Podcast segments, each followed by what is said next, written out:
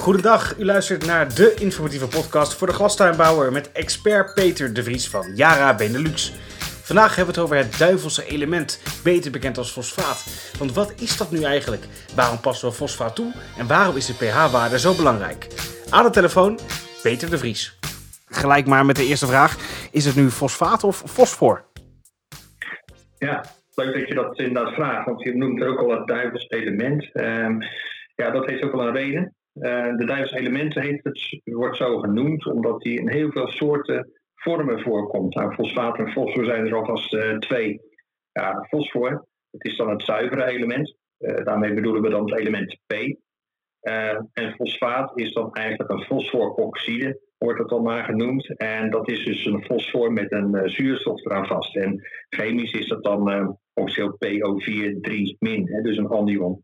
En ja, we hetzelfde trouwens eh, bij, bij stikstof en nitraat. Hè. Dus eh, stikstof was N, was zuiver. En nitraat was dan een ja, stikstofoxide, hè, NO3 min in dat geval. Nou, en dan moet je wel even weten dat in de substraatbemesting bedoelen we dan met fosfaat eigenlijk altijd een diwaterstoffosfaat. Hè, dus dat, zo heet het officieel. En dat is H2PO4. En om de simpele reden dat we het daarover hebben, dat is dat alleen die vorm door de plant wordt opgenomen. Ja, en om het dan nog ingewikkelder te maken, komen er nog veel meer vormen voor. Uh, bijvoorbeeld ook HPO4, dus met één haartje in plaats van twee. Ja, en de vorm die voorkomt, nou je noemt het al, die uh, met de pH die van belang is, ja, dat hangt dus heel sterk van de pH af. Daar hebben we het dan uh, ongetwijfeld straks nog verder over. Om het dan ook nog een beetje ingewikkelder verder te maken, als ik er toch maar mee bezig ben, hè, dan praten we over P2O5. En dat kom je ook vaak tegen. En dat is dan ook weer fosfaat, of althans noemen we dan weer fosfaat. En dat Daarmee drukken we het gehalte uh, fosfaat in meststoffen uit. Dus als we bijvoorbeeld monocalifosfaat hebben, ja, dan bevat die 52% P2O5. Nou, en de landbouwers, de, de volle grondtuinbouwers, die komen het ook tegen, want die uh, praten over 25 kilo P2O5 per hectare bijvoorbeeld, wat ze moeten doseren. En het verwarrende is dan eigenlijk dat die hele P2O5 niet voorkomt. Dus die, vorm die bestaat eigenlijk niet. Maar ja, in de meststofverregelwetgeving is afgesproken dat daar dus uh, ja, het als een oxide uitgedrukt moet worden. En ja, je kan elke vorm naar een ander omrekenen en zodoende wordt er dus ook uh, PCO5 uh, uitgerekend. Maar ik denk dat het wel even goed is om te zeggen dat we dan in, als we vandaag het zo even over fosfaat hebben, dat we over fosfaat of over misschien P hebben. Maar hij weet dan eigenlijk dat dat niet echt fosfaat is, chemisch gezien. Dus eigenlijk wat we doen is niet helemaal chemisch gezien correct, maar ja, we hebben het vaak over H2PO4. H2... Dus dat is even goed om uh, in de achterhoofd te houden. Ja, H2PO4. En om, om het makkelijk te maken houden we het nu dus inderdaad even bij de P, uh, fosfaat kort gezegd. Laten we dan even bij het begin beginnen. Uh, fosfaat, waarvoor is het nodig? ik weet dat het volgens mij nodig is voor wortelvorming. Um, klopt dat ook? En, en zo ja, heb je het nog voor meer andere dingen nodig? Ja of nee? Ja, nou klopt uh, inderdaad. Uh, fosfaat is inderdaad, dus uh, H2PO4, dan hebben we het dan eigenlijk dus over, is nodig voor een goede wortelontwikkeling. En dat zie je ook. Op het moment een beetje fosfaat geeft, dan zie je dat die plant erop reageert om een betere wortel te maken. Maar dat is maar eigenlijk een heel kort onderdeeltje van het geheel. Want fosfaat of fosfor komt dus ook voor in DNA. En zonder P, zonder fosfor, geen DNA. Of voor de eiwitten en enzymen. En die eiwitten waren weer de bouwstenen. Maar het leukste vind ik eigenlijk altijd wel dat het meest interessante uh, dat is dat het element P dus ook voorkomt in uh, energietransport binnen de plant. En je kan het vergelijken met een uh, oplaadbare batterij voor je telefoon. En dat is dan een soort suikerachtig stofje. Dat heet ADP, dat is adenosine difosfaat. D staat voor twee fosfaatjes dan die erin zitten. En de truc eigenlijk is dan dat als daar een extra fosfaat aangebonden wordt, dus het wordt niet een difosfaat, maar een trifosfaat van drie P'tjes, dan uh, krijg je een opgeladen batterij. En dat extra eraan laden van die derde, ja, dat kost heel veel energie. En de plant kan dus die ATP, dus met die drie fosfaatjes ergens anders naartoe transporteren. Haalt de P er weer vanaf en dan komt ook de energie weer vrij. En uh, op die manier transporteert dus de plant die energie van de ene plaats naar de andere. Nou, en dan kan hij de huidmondjes ook besturen, of hij kan uh, aminozuren aanmaken, of hij kan elementen opnemen. Uh, dus hij kan allerlei andere processen doen. En het aardige is, we hadden het vorige keer al, die plant lijkt wel een beetje op een mens of wij lijken op een plant. Maar dat hele ADP, ATP-proces, dat kennen wij dus ook uh, op dezelfde manier. Ja, gebeurt dus ook in ons eigen lichaam. Dan kan ik mij voorstellen dat wij uh, fosfaat op een andere manier opnemen uh, dan de plant. want hoe doet de plant dat? Nou, de plant die neemt, ehm, zoals eerder al gezegd, eventjes H2PO4 als een anion op. Uh, dat is een actief uh, proces. Dat betekent dat die, uh, ook als de concentratie heel laag is in de, in, bij het wortelmilieu, dat de plant dan toch in staat is om die fosfaat uit de grond op te pakken en naar binnen toe te werken. Nou, als iets actief gaat, dan kost het altijd energie. En dat is hier dus ook het geval bij. Um, dus dan komt die ADP en ATP-proces weer, weer naar voren. Um, en als compensatie, want die plant neemt een min-elementje op, dan kan die eigenlijk daarmee ook een, ja, wat, wat waardeloze elementen teruggeven. En dat is dan vaak bicarbonaat. En zo kan die zich dus uh, ook weer uh, neutraal maken. Ja, dan kan de opname van fosfaten kan ook beïnvloed worden. Hadden het net al even gehad over de pH. dat is natuurlijk van groot belang. Zijn er nog andere zaken waardoor fosfaat wel of niet opgenomen wordt als plant? Ja, dus in ieder geval laat zeggen dat de temperatuur een hele belangrijke factor is. Als de temperatuur van het wortelmilieu laag is, dan weet je eigenlijk ook dat een uh, fosfaatopname behoorlijk uh, beperkt is. dat is echt helemaal lager dan. Ja, en dan natuurlijk krijg je die, die pH, want die is echt van hele grote invloed op die uh, fosfaatopname. Ehm, ik gaf ook al aan dat er uh, verschillende vormen zijn. Hè. H2, PO4 met twee haartjes is al uh, de revue gepasseerd. Maar je hebt dan ook HPO4 met één haartje. En je hebt zelfs PO4. Dan zit er helemaal geen haartje meer vast. Dus de hoeveelheid haartjes die veranderen. En dat gebeurt onder invloed van pH. Dus op het moment dat de pH oploopt, en laten we zeggen boven de 6 komt, want daar praten we al over, dan verliest die H2PO4, dus de ideale vorm, die verliest al snel een haartje. En dan wordt het HPO4. Nou, op zich zou je zeggen, wat is het probleem daarvan? Ik bedoel, uh, we hebben iets aan de vormpje, het is al opgenomen misschien, of het, uh, kan hij dat niet terug uh, weten te regelen. Maar het probleem is dat die HPO4, als hij bij de wortel zit, dat die heel snel reageert met calcium en magnesium en ook nog zelfs ijzer. En het moment dat hij ermee reageert, dan vormt hij een zout, vormt hij een neerslag. Dat kan bijvoorbeeld calciumfosfaat zijn. Ja, dat is dan weer niet meer opneembaar voor de plant. En ja, de plant drinkt, zoals we helemaal in het begin hadden gezegd een keertje. En uh, ja, dit is vast, dus ik kan de plant niet opnemen. Nou, het grappige is dat iedere tuinder die kent wel het fenomeen calciumfosfaat. Want uh, als je minerale vervuiling in je druppelaarsysteem hebt, dan is dat eigenlijk altijd calciumfosfaat. Het zou ook nog magnesiumfosfaat een beetje kunnen zijn of ijzerfosfaat, maar vooral calciumfosfaat. En de oorzaak ligt hem in een tijdelijke te hoge pH. Dus de pH is even te hoog geweest, even over de 6 heen geweest. En dan ontstaat die uh, reactie. Nou, en om je druppelaars nou schoon te houden, moet je dus zorgen dat je pH in je druppelsysteem dus echt altijd onder de 6,2 is. Um, maar ook in ieder geval, dat kan je niet altijd bepalen natuurlijk, maar dat er uh, kan zeker voorkomen op het moment dat er veel calcium in het water zit, een hoge EC bijvoorbeeld, en op het moment dat er veel fosfaat in zit. En dan op dat moment kan de pH gewoon echt uh, ja, cruciaal zijn om de zaak in neer te laten slaan of toch nog een oplossing te houden. Nou, in theorie kan de zaak ook wel weer terugreageren.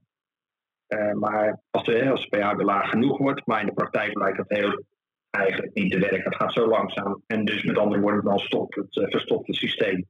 Nou, en dat kent iedere tuin. Dat gebeurt altijd op uh, de warme dagen, op dat moment dat je veel water nodig hebt. En dan slaat die hele bende neer. Dus uh, ja, dat wil je niet hebben. Heeft een hoge pH dan ook nog meer effecten? Um, ja, nou ja, de neerslagproblemen met fosfaat, dat gebeurt inderdaad. Dat kan ook optreden bijvoorbeeld in de, in de B-bak. Um, daar gebeurt het wat eerder omdat de concentratie wat hoger is. Natuurlijk vele malen hoger is, 100 keer zeker wel hoger is. En als het moment dat het pH daar over de 5 heen gaat, dus dat is al best wel laag eigenlijk, maar als hij boven de 5 zit, dan gaat hij ook al reageren met magnesium. Uh, nou, dan de eerste reacties, dat zijn die je gaat zien. Dat is een soort vliesje bovenop het water. Het lijkt alsof het water aan het bevriezen is, maar dat, uh, dat is niet zo. Het, het, is echt een magnesiumfosfaat ja, aanslag, neerslag, reactie. En later zakt dat dan naar de bodem en dan lijkt het alsof er een soort fijn wit poeder zeg maar, op de bodem uh, ligt. En als je dan gaat zitten meten, dan, dan blijkt het eigenlijk allemaal weer normaal. Fosfaat is ook een buffer, een pH-buffer wordt het dan genoemd ja, het kwaad is al geschied. Ja, ja maar wat, wat kan ik dan doen om dat juist op te lossen of misschien wat te voorkomen?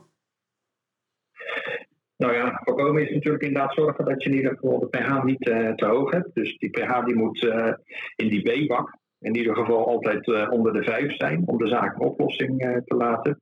Ja, en als het dan toch opgetreden is, ja, dan kan je er eigenlijk niet zoveel aan doen. Je kan dus Wel, je moet dan eigenlijk maar de bak zoveel mogelijk leeg trekken. Voorkomt natuurlijk dat je dan die aanslag en die neerslagen meezuigt in het systeem. Want je wilt tenslotte niet je filters en de druppelaars alsnog verkopen ermee. En als je de bak gaat vullen, ja, dan heb je twee keuzes. Of je maakt het schoon, dus je haalt het eruit.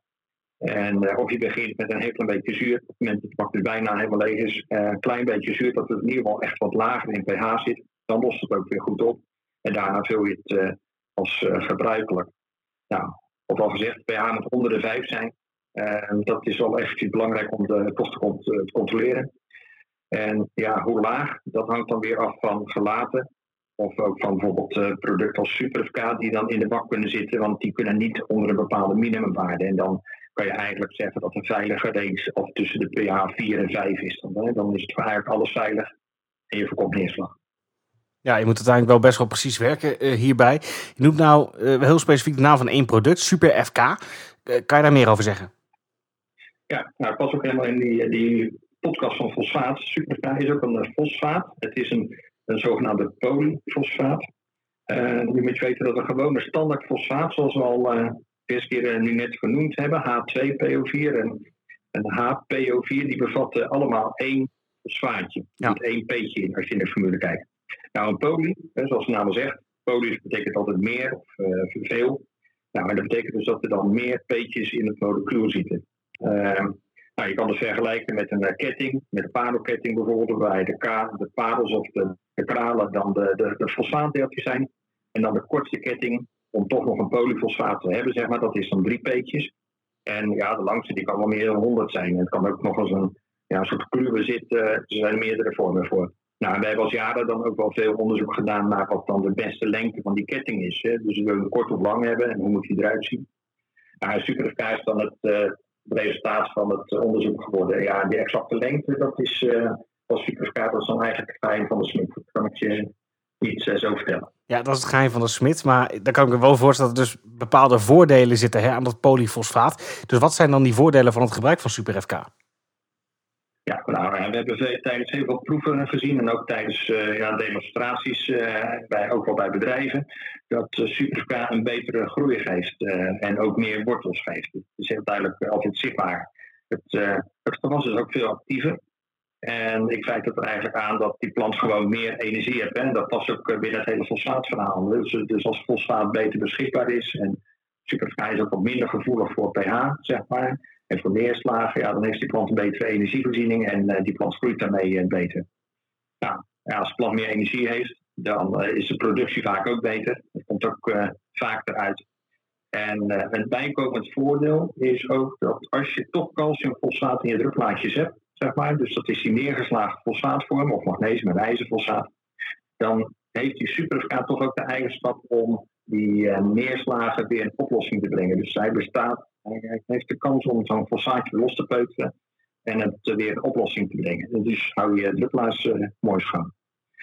Ik wil nog wel eventjes meld, uh, zeggen, het ook wel duidelijk, dat uh, we hebben tijdens polyfosfatenonderzoeken ook wel gezien dat er polyfosfaten zijn die gewoon juist een mindere groei geven of een groeiremming zelfs. Dus je kan niet zeggen ik gebruik polyfosfaat, dus het is beter. Nee, je moet echt wel weten wat je doet en welke je hebt. Ja, dus mijn stelling van net dat polyfosfaat dus altijd beter is, is ook niet altijd uh, helemaal waar.